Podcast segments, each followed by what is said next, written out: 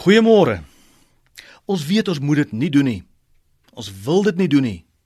Maar hoe harder ons probeer, hoe minder kry ons dit reg om dit nie te doen nie.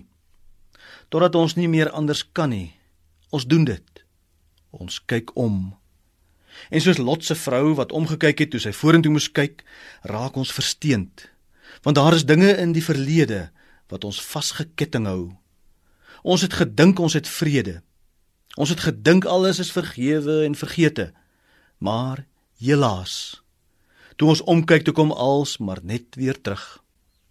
Dis riskant om so te bly terugkyk, maar ons sukkel om die verlede agter ons te laat. Het dit nie nou tyd geword om aan te beweeg nie? Ons sukkel met dit wat ons gedoen het aan ander waaroor ons spyt is, en ons sukkel om dit wat ander aan ons gedoen het agter te laat. Dit knaag en dit knaag. Vir jare en jare sal mense 'n wrok dra so erg dat hulle later verknog raak aan hulle bitterheid en onvergewensgesindheid en ook aan hulle selfkritiek. Moenie jouself so aanhou kastei nie. Gegeewe dieselfde feite binne dieselfde omstandighede sal jy heel waarskynlik dieselfde besluite neem.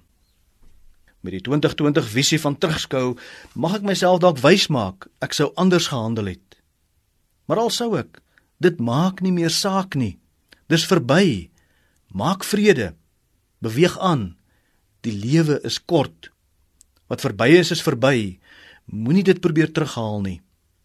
Sien jy Langehoven het gesê, met die water wat verby is, sal jou meule nooit weer maal. Uit die assies op jou vuurherd sal jy nooit geen gloed weer haal. Christus waarsku ons, moenie hand aan die ploeg slaan en aanhou omkyk na wat agter is nie. Op 'n ander plek leer die Bybel Maak jou los van wat agter is en strek jou uit na wat voor is. Los sommer terselfdertyd die ou koeie waar hulle hoort in die sloot.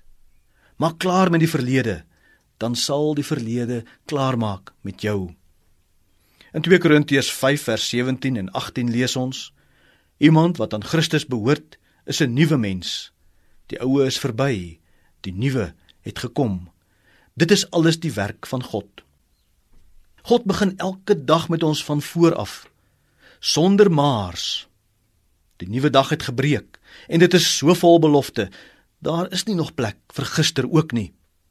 Eintlik moet ons nie toelaat dat die jare deur ons vingers glip deur in die verlede of in die toekoms te leef nie.